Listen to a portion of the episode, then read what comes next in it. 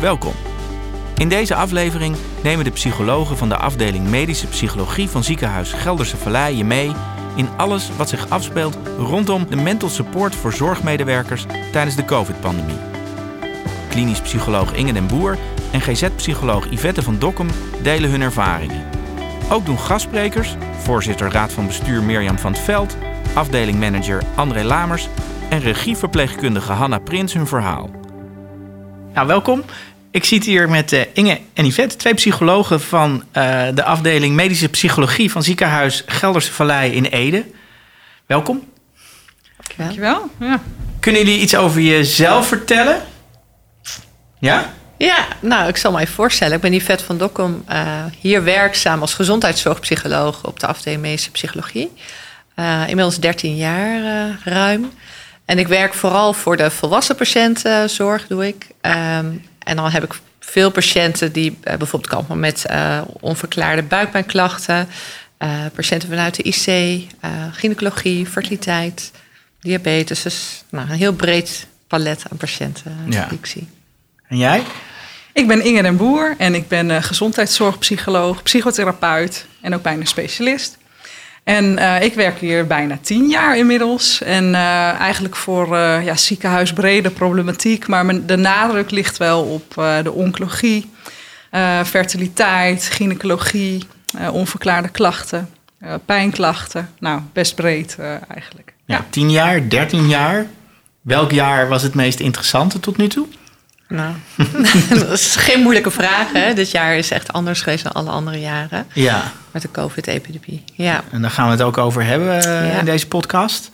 Uh, voornamelijk over, volgens mij, uh, hoe jullie helpen het welbevinden van de zorgmedewerkers te vergroten. Want hebben ze dat nodig dit jaar?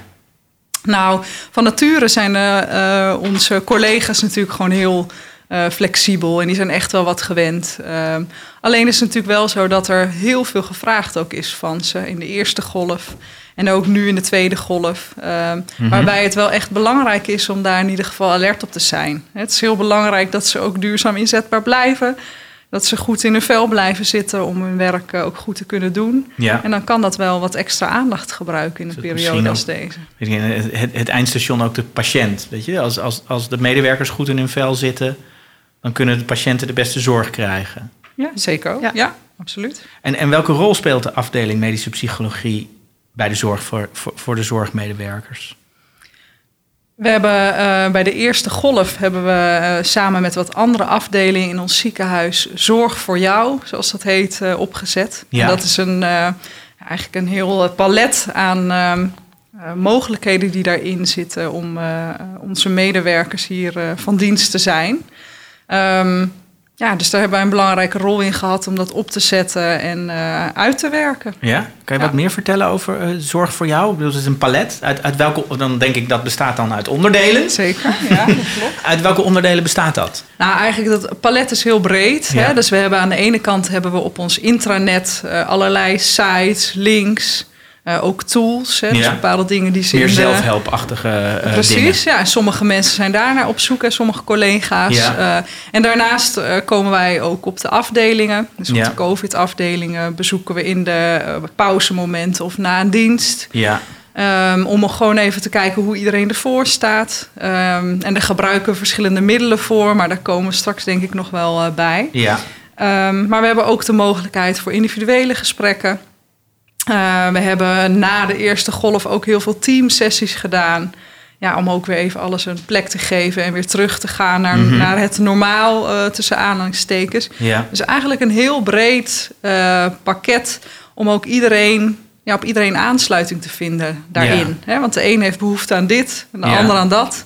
En zo kun je eigenlijk voor een hele grote groep mensen hier in het ziekenhuis wat betekenen. Want weten ze jullie ook te vinden als ze klachten hebben? Nou, de ja, je hebt ook, ook ja. contact met ze op de vloer. Ja. Uh, is dan de stap makkelijk gemaakt om, om naar jullie toe te stappen? Nou, in de eerste golf werd de reguliere zorg afgeschaald. Dus wij hebben ons als afdeling medische psychologie volledig gericht op de zorg die we konden bieden aan de medewerkers. Dus er zijn heel veel op de afdelingen geweest. Alle pauzemomenten in het begin hebben we ook aangesloten, alle dagen van de week, ook het weekend. Uh, dus de zichtbaarheid, het laagdrempelige hebben we toen uh, ja. heel erg benadrukt. Wat ook heeft geholpen. Dat mensen gewoon sneller uh, aan de bel durfden of konden dat, trekken. Dat doen ze ook echt. Ja. Dat gevoel dus heb je dat ook, mensen daar echt ja, durven mensen, ja, benaderen onszelf. Ja, dus ik denk dat echt wel heeft bijgedragen daaraan. Die laagdrempeligheid ja. er zijn op de afdelingen. Ja. En um, daarbuiten hebben we dan de, de teams. Maar, het is een hele hectische periode hè? Uh, uh, voor mensen in het ziekenhuis. Uh, hoe, hoe zien jullie dat, hoe, hoe, deze periode die de medewerkers beïnvloedt? Als jullie daar zo vanaf, hè, vanaf de, jullie kijken dan vanaf de buitenkant mm -hmm. daarnaar. Nou, er komt natuurlijk heel veel op ze af. Hè. Aan de ene kant van buitenaf, alle media hè, die je op je afkrijgt. Je bent er hier uh, op je werk ben je bezig met COVID. Maar ja, als je eigenlijk naar huis gaat, ja, is het ook overal. Hè? Je ja. zet de televisie maar aan. Of uh, kijk op nu.nl. Er is altijd wel, gaat het daarover. Je komt echt niet, uh, niet dus, echt los van je werk. Zo, nee, dat, hè, dus je bent continu met je werk bezig. Ja. Dat is een hele belangrijke. En ze hebben natuurlijk ook ontzettend moeten omschakelen. Heel veel, zeker ook bij de eerste en nu ook bij de tweede golf. Dat... Um, heel veel medewerkers die daar natuurlijk helemaal geen uh, eerdere ervaring mee hebben gehad. Niemand natuurlijk. Uh, in het begin was het natuurlijk alle hens aan dek aan, aan, tijdens de eerste golf. Het, het, toen zijn er, is er wat meer tijd geweest om, om te hergroeperen, denk ik dan, en, en na te denken. Denk je dan ook aan preventie? Hè, voorkomen beter dan genezen. Zijn er dingen te doen om, om inderdaad de, de zorgmedewerkers minder psychologisch belasting te laten ervaren? Nou, ja, wat we weten, hè, eigenlijk moet je het zien als, als topsport, hè, deze periode. Je zit in een, in een marathon die je vol moet houden. Um, en waarbij je eigenlijk elke dag ontzettend uh, goede prestaties moet leveren. Wil je goede zorg uh, bieden aan die patiënt. Want ja. het is een hele lastige doelgroep. Het is een groep die, uh, waarvan je de, ja, de ene moment kan denken van het gaat hartstikke goed. En ineens ook uh, heel slecht kan gaan. Dus ja. je bent continu alert. Continu moet je eigenlijk op scherp staan. En we weten dat als je dat moet doen, dat het heel lastig is om ook bij jezelf te raden te gaan van hoe gaat het nou eigenlijk met mij? Ja. Waar ligt nou, wanneer heb ik pauze nodig? Ben ik eigenlijk wel naar de wc geweest? Ja. Uh, hele uh, praktische hele, dingen eigenlijk. Ja, dus die zelfzorg wordt daardoor wel minder. Je bent minder ja. alert als je aandacht de hele tijd bij die taak zit. Mm -hmm. En uh, dat maakt dus dat de kans, en zeker ook al na de eerste golf, hè, die mensen ook nog in de in hun lijf hebben, zou je kunnen zeggen. Uh, ja, dat die zelfzorg en goed kijken van hoe sta ik ervoor, wat heb ik nodig, ja. voor preventie ontzettend belangrijk is. Ja. ja. Hey, en, en als ze klachten krijgen, hè, uh, kan je een aantal voorbeelden geven van waar ze dan mee te maken hebben? Nou, uh, wat we in de zomer uh, heel veel hebben gehoord is de vermoeidheid. Dus na de eerste golf, hè, de adrenaline was er, mensen gingen, die ja. deden het gewoon. En daarna komt wat meer ontspanning en dan is de vermoeidheid voelbaar. Dus dat hebben we in de zomerperiode, hebben veel mensen met vermoeidheidsklachten gekampt. Ja. Ook de onzekerheid, angst van nou, hè, we hebben dit gehad, wat komt er nog meer? Hoe gaat het verder? Ja. Dus angst, onzekerheid, maar ook angst voor besmettingen.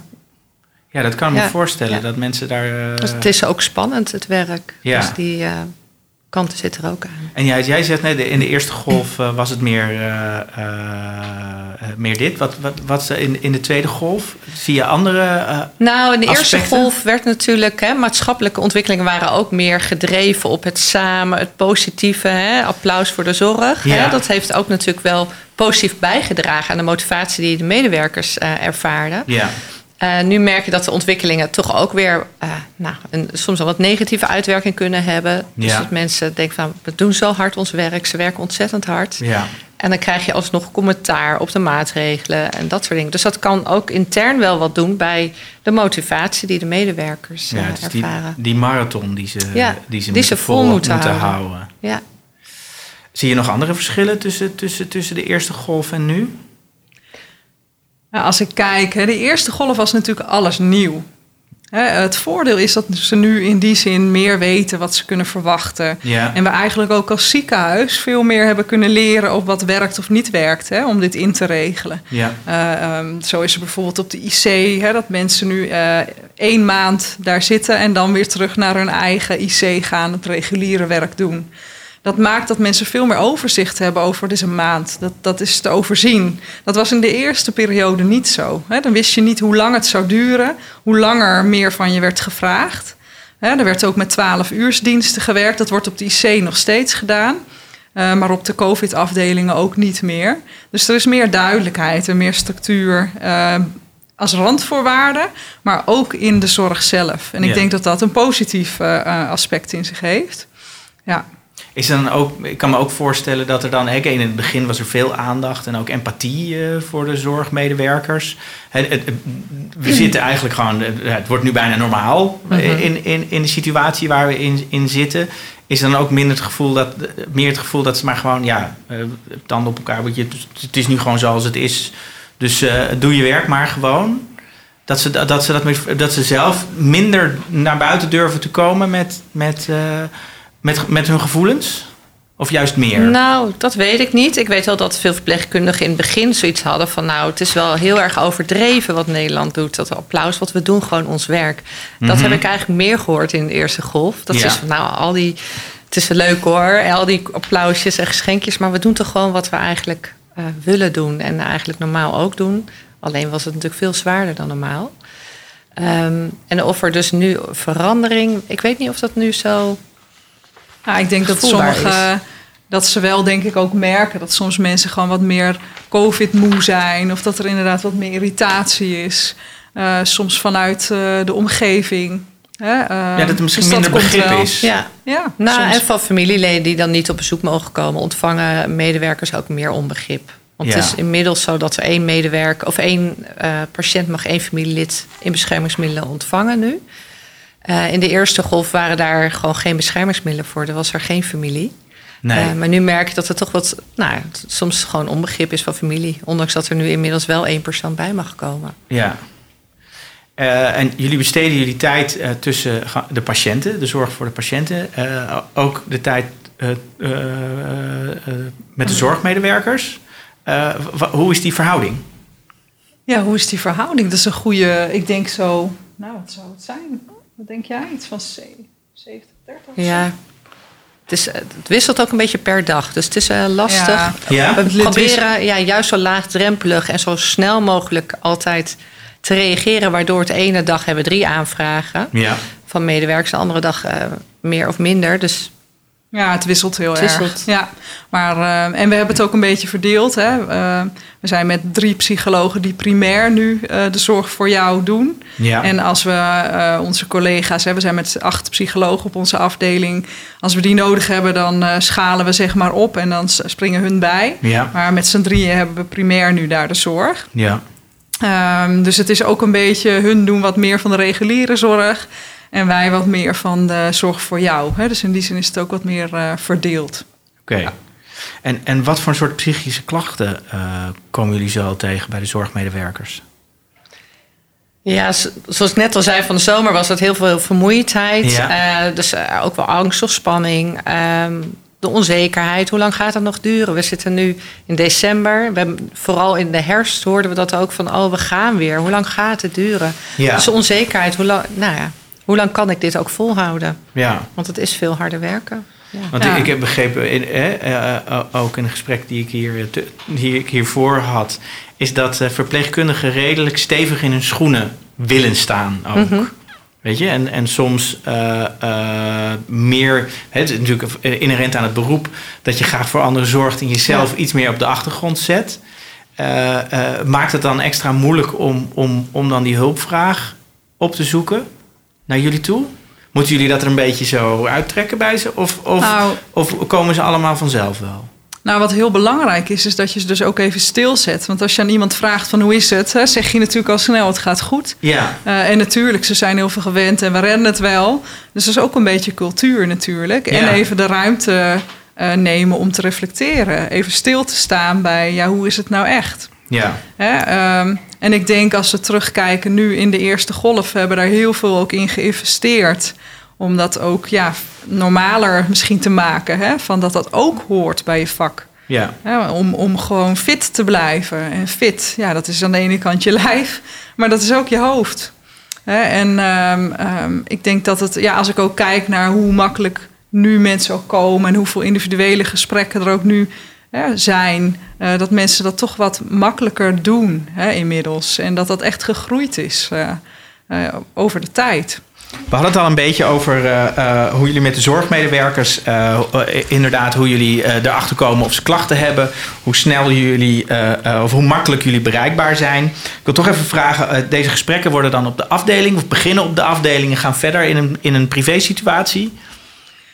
Ehm, dat, nou, soms zijn er dus eh, medewerkers die gelijk een individueel gesprek aanvragen. Hè, dus die bellen gewoon naar onze afdeling. We hebben een speciaal telefoonnummer en een mailadres. Ehm, ja, dan spreken we gewoon gelijk één op één af bij ons op de afdeling. Ehm, soms is het zo dat er naar aanleiding van een pauzebezoek wat we hebben gedaan... of een teamsessie, hè, dat mensen dan eh, meer willen. En dan zetten we het ook individueel voor, voort als het nodig is. Uh, en dan is het gewoon in het ziekenhuis. Dus gewoon bij ons op de medische psychologie. Het is wel fijn dat ze dan even van de afdeling zijn en dat ze, uh, maar wel binnen deze muren. Het, het hoort tenslotte bij het werk. Ja, want dan, dan komen ze, hè, als ze al iets hebben, geven jullie ook, uh, zijn jullie preventief aan de weg? Wat, wat voor praktische tips geven jullie aan de zorgmedewerkers om eigenlijk geestelijk gezond te blijven? Nou, de insteek is vooral preventief en proactief. Uh, we hebben daar diverse tools voor ontwikkeld uh, tijdens deze eerste golf. Eén daarvan is bijvoorbeeld de krachtmeter. Die kan ik wel even laten zien. Dat is in feite een, een thermometer waarbij je aan kan geven hoe het met je gaat. Uh, rood, uh, het cijfer 1, nou, dan gaat het uh, niet zo goed tot 10, maximaal een positief gevoel. En dit is zo'n tool wat mensen, wat we hebben uitgedragen, ook tijdens het bezoek op de afdelingen, om mensen daar eigen mee te maken. Zodat ze zelf even snel kunnen beoordelen, waar zit ik nou vandaag? Welk cijfer heb ik en wat is er voor nodig om dat cijfer wat te verhogen? Koppel je een soort startmoment van de dag aan ja, vast. Ja. En dat is dus zo'n reflectiemoment. Hè? Omdat ja. ze juist zo op taak gericht zijn om dat goed te doen, moet je ze even heel bewust naar binnen, even laten checken van hoe is het nou daadwerkelijk. Hè? Um, en dat is heel belangrijk. Kun je hiermee goed doen. En, en delen, dan, delen ze dat dan met iemand? Of nou, we dat hebben dat toen voor... ook wel in, uh, in teamverband gedaan. Dus gewoon uh, tijdens pauzemomenten met elkaar. Dus er werd het gedeeld onderling binnen het team. Uh, maar ook met elkaar, met de buddies. het buddy-systeem is al eerder gevallen. Ja. Dus dat is um, ook wat wel vaker al gebruikt wordt hier in het ziekenhuis. Maar dan hebben wij nog extra benadrukt dat het belangrijk is om een buddy te zoeken. Uh, juist voor dat mentale stukje ondersteuning wat je elkaar kunt bieden. Heel praktisch, hoe, hoe, hoe zit het buddy systeem in elkaar? Nou, heel praktisch is bijvoorbeeld dat je met je collega uh, gedurende je dienst even op elkaar let. Dus je vraagt van, nou, heb je al geluncht? Uh, heb je al, is je pauze er geweest? Ben je naar de wc geweest? Hoe gaat het met je? En dat zijn geen uitgebreide gesprekken, maar kort even peilen hoe jouw collega erbij staat. En hoe worden de buddies samengesteld?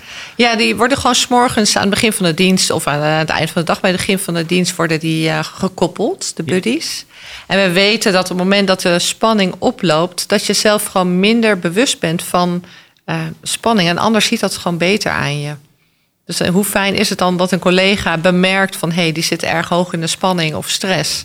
Uh, dat hij je daar even op wijst. En worden die samengesteld dat mensen elkaar goed kennen? Of nee, juist niet? Het of is het gewoon maakt een helemaal tombola? niet uit. Het is eigenlijk gewoon net er geen bewijs van die naast je staat. Je hoeft elkaar niet goed te kennen. Uh, dat idee leeft soms wel van... nou, ik vind het fijner als iemand me goed kent... maar het gaat er juist om even praktisch... gewoon degene die bij jou staat... die wordt jouw buddy van de dag. Oké, okay. en een andere, ja. andere term... het ligt er in mijn oor dicht tegenaan. Het buddy systeem, uh, je hebt ook peer support. Is dat hetzelfde of is dat iets anders? Nou, we hebben in ons ziekenhuis hebben we uh, sinds enige tijd peer supporters ook. En peer supporters zijn um, zorgmedewerkers, zowel verpleegkundigen als artsen. En ook een artsassistent die uh, zorg verlenen aan hun collega's, een peer, een gelijke. Uh, dat doen zij na bepaalde incidenten. Of stel dat er bijvoorbeeld een klacht tegen je is ingediend, hè, wat je niet in de koude kleren gaat zitten. Ja. Uh, dus die zorg is er. Maar dat kan natuurlijk net zo goed gelden voor uh, tijdens de COVID. Hè, dat er dingen gebeurd zijn waar je gewoon graag eens met een collega over zou willen praten. Die er wat buiten staat, maar die wel weet wat nou uh, dat werk op de vloer is en inhoudt. Ja. En dan kunnen we ook de peer supporters uh, inzetten. Oké, okay, dus ja. een heel scala aan, aan mogelijkheden om, om ervoor te zorgen dat de zorgmedewerkers onder toch wel echt grote druk uh, misschien instorten. Gebeurt dat veel? Nou, het is natuurlijk belangrijk om ervoor te zorgen dat, dat, uh, dat je dat voor bent. Hè? Ja. Dus dat je op tijd, uh, dat mensen op tijd aan de bel trekken. En dat wij ook met onze pauzebezoeken um, en het buddy-systeem ervoor zorgen dat dat eerder gesignaleerd wordt. Um, maar ja, we, we, merken wel, en zeker in de tweede golf, hè, dat mensen dat balans houden wel soms lastig is.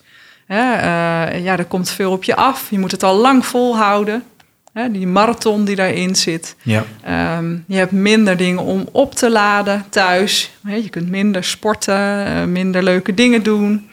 Um, ja, dus dan merk je wel dat die balans uh, soms wat, wat meer verstoord is. En dat je daar echt bewust uh, naar moet kijken hoe je dat weer voor elkaar krijgt. Vinden jullie het dan moeilijk om ze te bereiken? Welke programma's zetten jullie in om, om, om, om zo goed mogelijk dat contact te faciliteren? Nou, allereerst zijn dat gewoon de gesprekken. Dus uh, de patiënt uh, of de medewerker spreken en ook die voorlichting geven. Dus met die voorlichting kun je al heel veel zorg wegnemen. Je normaliseert het dat spanningen eigenlijk een hele normale reactie zijn op zo'n abnormale situatie waar we nu in zitten.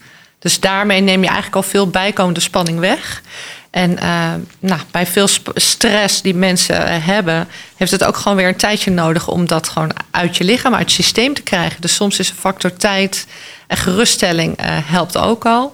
En als er meer nodig is, uh, gaan we die gesprekken individueel aan. Of Denk, in het team. En denken jullie de systemen die jullie nu hebben geïmplementeerd ook straks als de crisis ooit eens een keer voorbij is, nog te blijven hanteren?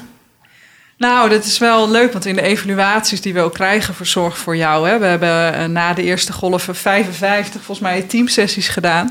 Uh, kregen we dat ook veel van. Waarom houden we dat niet zo eigenlijk? En ja, het is natuurlijk de vraag in hoeverre dat kan... Uh, op het moment dat het allemaal weer normaal is. Um, maar er is dus wel een behoefte in. En ik denk dat het goed is om na te denken over hoe je die behoefte vervult. He, dat we ook blijven omkijken naar die kant van ons Ja. werk. Want het, ook dat blijft gewoon bij het werk horen.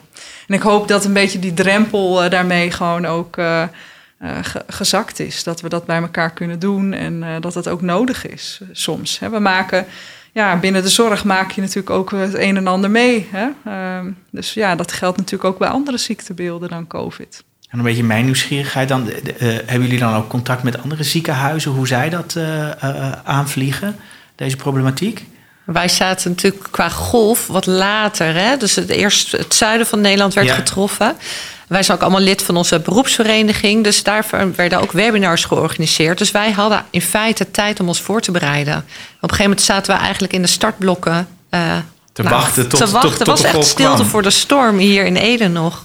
Uh, terwijl het in het zuiden al heel hectisch was. Ja. Dus wij waren eigenlijk, hadden wij tijd om uh, op, op poten te zetten hier. Ja. ja. En ook dat contact houden, hè? ook met, uh, met het ziekenhuis in het zuiden, met mensen die je daar kent, is dan echt Ja. heel Ja. helpend. Dan weet je ook een beetje wat daar de volgende stap is en kon je alweer een beetje anticiperen.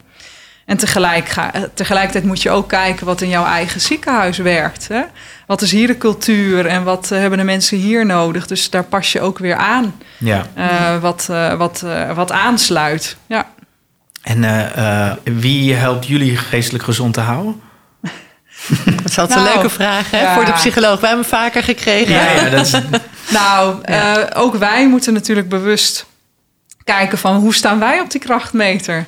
En, uh, en ook als er dingen voorvallen, uh, dat je ook even met elkaar goh, dat je even kan spuien als het nodig is. Met welke psychische klachten en vragen vanuit de COVID-epidemie krijgen zorgmedewerkers te maken? Wat komen jullie tegen aan, aan psychologische klachten? En, en, en waardoor ontstaan die? Nou, um, dat zijn natuurlijk wel diverse dingen. Uh, aan de ene kant merken we dat er soms gewoon situaties zijn geweest die mensen niet in de koude kleren gaan zitten, wat heel logisch is. Zeker ook als je bijvoorbeeld in de eerste golf keek, dan gebeurde het, ja, je krijgt ineens te maken met veel overlijdens, nu nog steeds natuurlijk. Maar in de eerste golf was het ook zo dat uh, er geen familie bij mocht of kon op dat moment. Um, of dat kon wel, maar dan kon diegene niet meer bij de begrafenis zijn, want dan moest hij in quarantaine. Ja. Dus dat gaf hele, hele lastige situaties en ook voor het verplegend personeel. Hè. Uh, het is nogal wat als iemand alleen komt te overlijden. Hè. En uh, um, ja, soms heb je last van die beelden. Hè. Of soms kan het ook best zijn dat je uh, één seconde geleden bij iemand was geweest En je komt terug en iemand ligt, is overleden. Ja. Hè? En ehm, ehm, ja, dat kan ook best zijn dat mensen daar bijvoorbeeld dan schuldgevoelens aan hebben. Of dat ze toch die beelden blijven zien. Ehm, en dat is ook heel, heel logisch, want het is nogal wat. En op het moment dat je dan daarmee zit of je blijft merken dat die film zich afspeelt, ja, dan is het heel belangrijk dat je daarin over gesprek kan gaan van ja, te weten wat normaal is, mm te weten wat je er zelf in kan doen. En ja, stel dat je er last van blijft houden, dat er gewoon ook hele goede behandelmethodes voor zijn om, dat, uh, om daarvan af te komen, hè, zodat je het uh, los kan laten. Ja, en dat, uh, dat doen we dan ook als het nodig is. Maar vaak gewoon het gesprek en de voorlichting, is ja, dat helpt al ontzettend veel. Ja. ja. dat het normaal is om, om, om geraakt te worden door, door zoveel leed en ook eenzaamheid, kan me mhm. voorstellen. Ja, ja, tuurlijk. Ja. ja, dat zijn hele confronterende uh, omstandigheden. Ja, en zeker als je daar dan ook nog op een bepaalde manier misschien verantwoordelijk voor voelt. Of omdat je. Ja, we hebben allemaal een heel groot zorghart hier. Hè? Dus die verpleegkundigen doen dat met hart en ziel. En die willen ook dat dat allemaal zo goed mogelijk verloopt. En op het moment dat iemand dan overlijdt op een manier bijvoorbeeld die ja, van je echt denkt, oh wat erg en uh, zo willen we dat niet. Uh, dan kan je daar last van hebben. Ja, en dat is ook heel logisch, want je bent eh, een heel erg betrokken uh, zorgverlener. Ja. En juist normaal bij de zorgintensieve patiënten wordt de familie ook altijd enorm bij betrokken. Juist bij die C-patiënten zien we juist dat de familie er soms wel uh, merendeel van de dag er juist is. Dus dan is het uh, hard gelach dat de familie nu überhaupt er niet bij heeft mogen zijn. Nee. Ja. En dat was soms ook wel op de IC bijvoorbeeld. Hè? Als je uh, die mensen ja, die, normaal gesproken was er veel familie. Nu was die verpleegkundige uh, vaak degene die dan met beeldbellen wat lieten zien hè, van die patiënt. Maar daardoor waren ze ook heel erg erin, zou je kunnen zeggen. Zij kregen gelijk, ja, als zij dat beeld lieten zien van hoe hun uh, moeder, vader, ja, daar, ja. daar erbij lag. En alle emotie die daarbij kwam, uh, komt kijken, krijgen zij over zich heen. Dan maakt het wel om afstand te houden veel lastiger. Dus het is, je neemt veel meer dingen makkelijker mee naar huis of laat je moeilijker los. Uh, ja, dat, dat is ook gewoon zo. Dus dat, uh, ja, dat merken we wel. En ik denk dat nu in deze tweede golf met name dat balansverhaal uh, ook echt wel een belangrijk ding is. Nou, daar hebben we het al even kort over gehad. maar dat je dus kijkt daarnaar. Maar ja, die beelden, ervaringen, die, zijn, die blijven. Ook ja. in de tweede golf. Ja. En dan aan jullie om een omgeving te scheppen dat dat deelbaar wordt. Ja, want mensen denken, ja, dat hoort erbij, daar moet ik tegen kunnen. Hè? En natuurlijk kun, kun je heel veel hebben, alleen dit is niet iets waarvan je even kan zeggen van, dat moet ik maar aankunnen of zo. Dat kun je ook best aan, maar het kan best zijn dat het dan goed is om er daar even bij stil te staan. Ja, en zeker ook als het overlijden al in eenzaamheid gaat, dan hoeft inderdaad de gevolgen daarvan en de emoties dan ook niet in eenzaamheid uh, zich af te spelen. Ja. Dat zou heel fijn zijn. En zeker ook als je het kan hebben over, oh, ik voel me daar toch verantwoordelijk voor. Hoe heb jij dat? Hè? Ook in je, met je buddy bijvoorbeeld. Of ik heb er last van voordat ik nu naar huis ga. Um, hè, dus dan is het ook goed om het eind van de dienst met je buddy even te checken. Ja, hoe was je dag? Zijn er dingen die je nog in je hoofd hebt, uh, uh, die je misschien even bewust moet gaan loslaten? Ja, uh, daar help je elkaar ontzettend mee. Door dingen al benoembaar te maken. Ja. Nou ja, dank jullie wel. Ja, ik ben ja. een stuk wijzer weer geworden. Dankjewel. Voor deze dag en de gesprekken met jullie en je collega's. En ja, keep up the good work.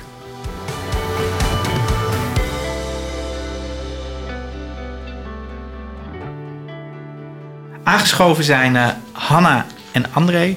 Hanna is regieverpleegkundige en André is uh, de afdelingsmanager van de verpleegafdeling. En ik hoorde je net iets over het buddy systeem uh, praten. Ja. ik, ik ga ervan uit dat dat een Iets, dat je gekoppeld wordt aan een collega, kan je daar iets over vertellen? Klopt, ja. Dat is eigenlijk wel vooral ingebracht tijdens dus de eerste golf. Uh, doorzorg voor jou ook. Dat is een van de, van de middelen eigenlijk die ze hebben gebruikt om de verpleegkundigen te ondersteunen. Ja. En daarbij word je eigenlijk aan het begin van de dag word je aan een collega gekoppeld.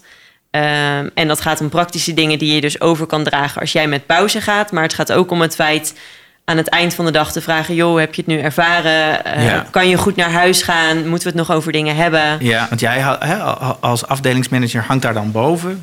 Dan heb je dat buddy systeem. Eh, die mensen helpen elkaar, maar op een gegeven moment stroomt dat misschien over. En, en, en komt dat bij jou uh, uh, terecht? Hoe hou jij dat zicht daarop? Ja, dat klopt. Ja, ik stimuleer het buddy systeem, ben ik zelf ook bij. maar ook evaluaties, zeg maar. en ik stimuleer mensen eventueel ja, ook contact zoeken met, met de medische psychologie. Maar ik denk zelf als, als manager ben ik wel ja, ik kan het moeilijk uitdrukken, maar is voor mij wel een heel druk jaar. Want uh, ja, ik heb wel veel medewerkers die hun verhaal kwijt moeten. Mensen die uh, ook familieleden naast ze zijn verloren. Ja. Uh, ook door COVID. Ja. Um, veel uitval ook, die je moet oplossen. Ook, nou valt het gelukkig op mijn afdelingen valt het relatief mee. Ja.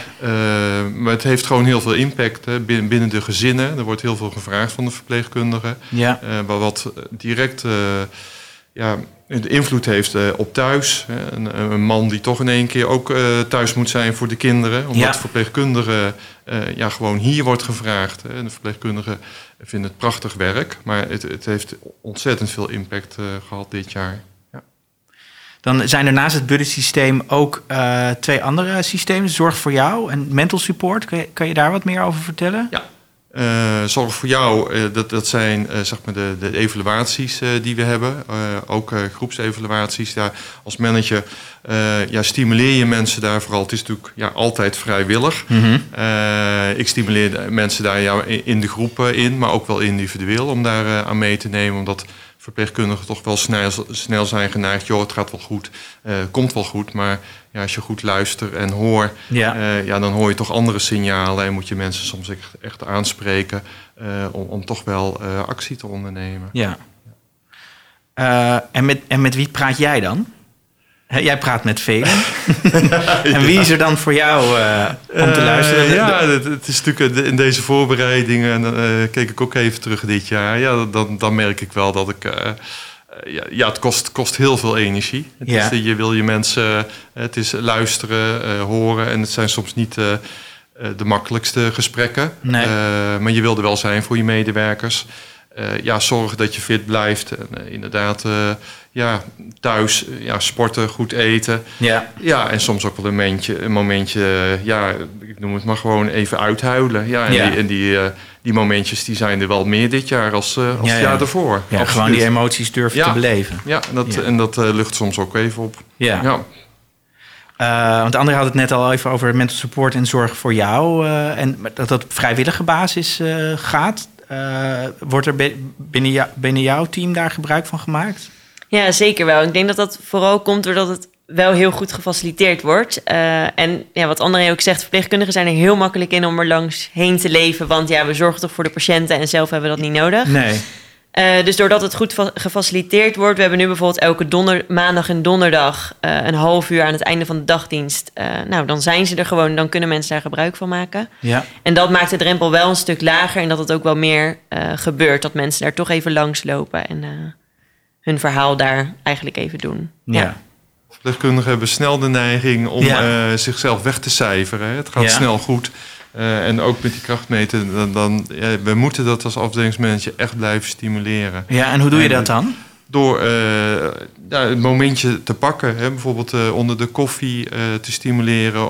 Eerst hè, weer eens even gewoon te, te, peilen, de temperaturen, hoe het is binnen je team. Ja. en dan op het goede moment aansluiten. En dan toch weer stimuleren om hoe belangrijk het is om je buddy voor de dag uit te kiezen. Ja. en dan is die krachtmeting een heel mooi systeem om het gesprek met elkaar aan te gaan. Hè, want, ja. want, als je ja, twee buddies naast elkaar zet, dan is het ook heel snel van het zijn twee verpleegkundigen. En dan wordt al heel snel gezegd ja, het gaat goed met mij, met jou ook.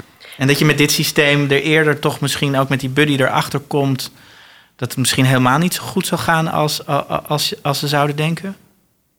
Ik denk of als ze zich voordoen, moet ik eigenlijk beter zeggen. Ik denk dat dat verschillend is. Ik denk wel dat de mensen snel geneigd zijn om misschien ietsje hoger te scoren. Um, dat denk ik. Ja. Ik denk ja, eerder te hoog dan te laag. Ja. En ik denk ook wel dat het, nou, wat ik wel in deze afgelopen golf ook weer heb gezien, uh, dat mensen dan er uitvallen als ze bijvoorbeeld corona krijgen, maar dan er wel heel erg lang uitvallen. En ja. dat is dan, zijn soms echt lichamelijke klachten, maar soms is het ook gewoon echt moeheid wat dan maar voortsleept. En wat misschien wel Ja, dat bedoelde ik een beetje met die, dat je inderdaad, weet je, Ja. je gaat naar, die, eh, of naar de afgrond. Dat is misschien niet, maar gewoon, je, je houdt je groot. En plotseling is de crash dan veel groter Ja. dan als je misschien even langzaam afremt eh, Ja. maar dat, daarvoor. Dat, ja, maar dat, eh, ja, dat merk je wel. De, de, de boog is eh, bij sommige mensen gespannen, maar ook bij heel veel een beetje overspannen. En dan, Ja. dan zie je het fenomeen dat hij dan ook in één keer eh, ja, naar beneden gaat. Ja. En denk je dat dit soort systemen zullen blijven bestaan? Hè, ook nadat als we, als we wat weer relaxter... eh, Ja, ik hoop Ja, het. Want het ik, ik zou er heel erg voor strijden om het wel te laten bestaan. Want Ja. het vak blijft... Kijk, nu met corona is het, is het extra. Maar het vak blijft natuurlijk intens. En patiëntenzorg kan intens blijven. ja, dankjewel.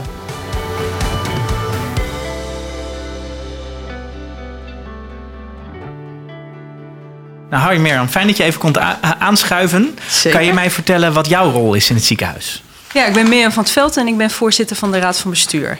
Oké. Hoe kijk jij vanuit de Raad van Bestuur in deze COVID-periode eh, eh, naar eh, ja, wat er gevraagd wordt van de, van de zorgmedewerkers? Ja, dat is echt, dat is echt enorm. De buitenwereld lijkt dat bijna een beetje te vergeten. Maar alle zorgmedewerkers staan enorm onder druk. Want wij moeten de ingewikkelde evenwichtsoefening doen van alle patiënten die met COVID besmet zijn, de best mogelijke zorg bieden en zoveel mogelijk gewone zorg ook door laten gaan. Want ook die patiënten wil je niet tekort doen. En dat betekent dat je teams overhoop haalt, door elkaar husselt. Dat je mensen van afdelingen afhaalt om op wat we nu... We hebben een hele afdeling ingericht voor covid-patiënten. Dat betekent dat er eh, met ziekte van personeel wat we ook hebben... dat eh, roosters soms onzeker zijn. Eh, we hebben nog steeds met elkaar geen horizon. Eh, wanneer houdt het op? Eh, mensen hebben ook overuren gedraaid. En ook als je COVID-zorg hebt geleverd, dan moeten we ook niet vergeten dat die patiënten zo ontzettend ziek zijn.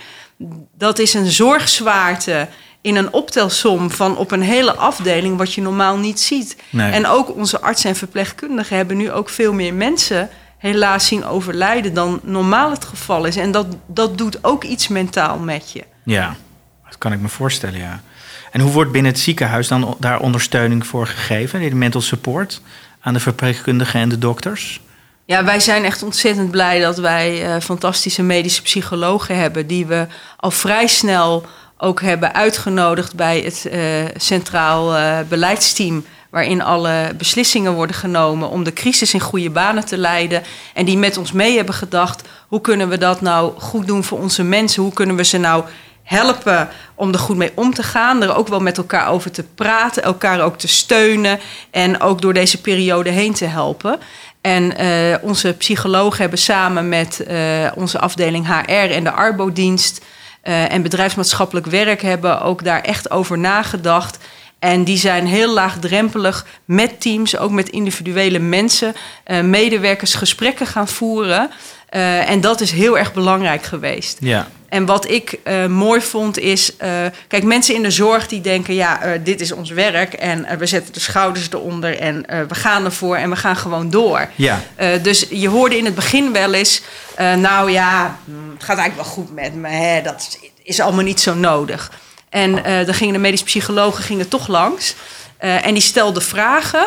En dan sprak ik daarna verpleegkundigen bijvoorbeeld in dit geval, die zeiden ja toen al die vragen werden gesteld, waren toch wel de juiste vragen. Toen merkte ik dat er toch meer emotie bij me zat dan ik van tevoren dacht. Ja, dus, Dus je we moet het wel hebben een het- beetje lospulken. Ja, eh, precies. Dus, je, dus, dus eh, niet iedereen zal zelf per se eh, hulp vragen. Ja. Maar het is gewoon heel laagdrempelig aangeboden. Ze zijn gewoon koffie gaan drinken. En ja, het is ook een deskundigheid om dan de juiste vragen te stellen.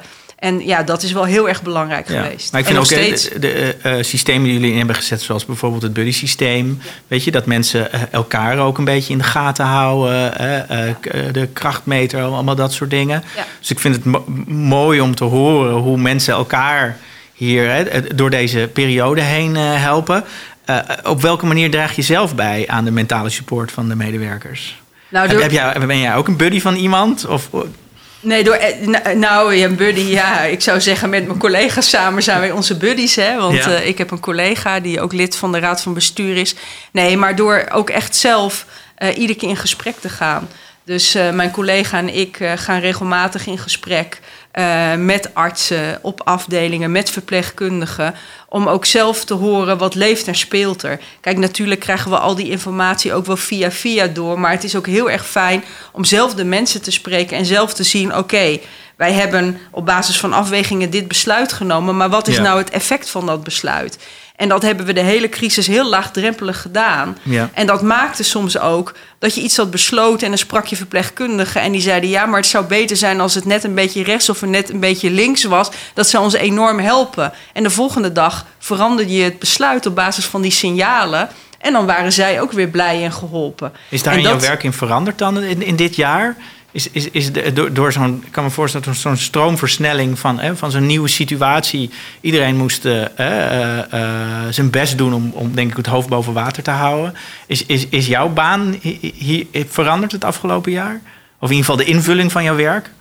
Nou, ik, of de manier dat je het doet? Nou, nou wel in de zin, kijk, wij hebben altijd al werkbezoeken gebracht, maar nu gewoon nog veel hoogfrequenter dan voorheen. Om gewoon echt ook He, je moet, ik vind het als, ik vind het ook als voorzitter van de Raad van Bestuur heel erg belangrijk om, om zelf mensen te spreken, zelf mensen in de ogen te, te kijken en zelf ook te voelen waar staat het nu in de organisatie.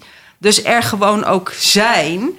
Uh, en zelf met mensen het gesprek aangaan is altijd belangrijk, maar in een crisis nog belangrijker. En ook als je mensen spreekt, dan de juiste boodschap, de juiste toon proberen te motiveren. Maar ook uh, erkennen in onzekerheden of, uh, uh, of uitleggen waarom je soms een bepaalde beslissing hebt moeten nemen. Want in een, hè, er was nergens in deze pandemie was nergens een draaiboek voor in de hele wereld niet. Dus we hebben alles van scratch af aan zelf moeten bedenken. Ja. En heel veel mensen kijken natuurlijk vanuit hun eigen kleine stukje of afdeling naar de situatie. En kunnen soms niet, dat kun je ook niet verwachten, het grotere geheel zien. Waar wij zeg maar uh, als crisisbeleidsteam dan afwegingen in moeten maken. En dan is het belangrijk dat je dat probeert uit te leggen.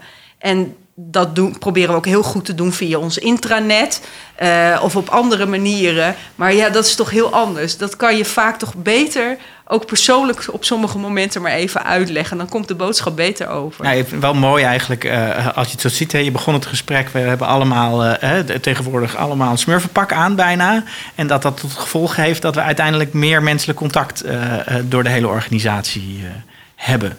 Kan ik dat zo voor, weet je, dat, dat misschien inderdaad uh, de, het ingepakte en met allemaal kapjes voor en, en we hebben weinig contact, heeft geleid tot, tot, tot een nauwere samenwerking in de organisatie? Nou ja, wat ik, wat ik heel mooi heb gevonden aan de eerste crisis was... iedereen zette de schouders onder en het leek alsof iedereen extra besefte... hoe relevant elke persoon en elk schakeltje in de organisatie was. Dus de buitenwereld dacht vaak... het zijn die verpleegkundigen en artsen die aan het bed staan... van de patiënt die besmet is met covid... Maar het was ook de medewerker bij de receptie, van de beveiliging, aan de telefoon, van de techniek die nodig was. En wat heel erg mooi was, was dat ook wel echt de professionals met hun deskundigheid aan zet waren. Er was nergens een draaiboek voor. Dus als we tegen een probleem aanliepen, dan verzamelden we die deskundigheid. Die zetten we bij elkaar om tafel en zei: geef ons een advies. En dat heeft natuurlijk ook wel heel veel mooie verbinding gegeven van elkaar leren kennen en ook elkaar leren waarderen in die deskundigheid. En dat gevoel van, ja jongens, we zijn echt allemaal heel nodig en heel relevant in deze crisis. En elkaar ook daarin leren kennen. Dat, ja, dat, ik bedoel, in, ik zou blij zijn als de crisis voorbij is. Ja. Uh, voor iedereen, maar zeker ook uh, voor alle mensen in de zorg. Maar dat heeft het ons wel gebracht. Dankjewel. Laat ook weten wat je van de podcast vindt door een recensie achter te laten. Op deze manier kunnen nieuwe luisteraars de podcast makkelijker vinden. Wil je reageren op deze podcast? Laat een reactie achter of stuur een e-mail naar podcast.zgv.nl.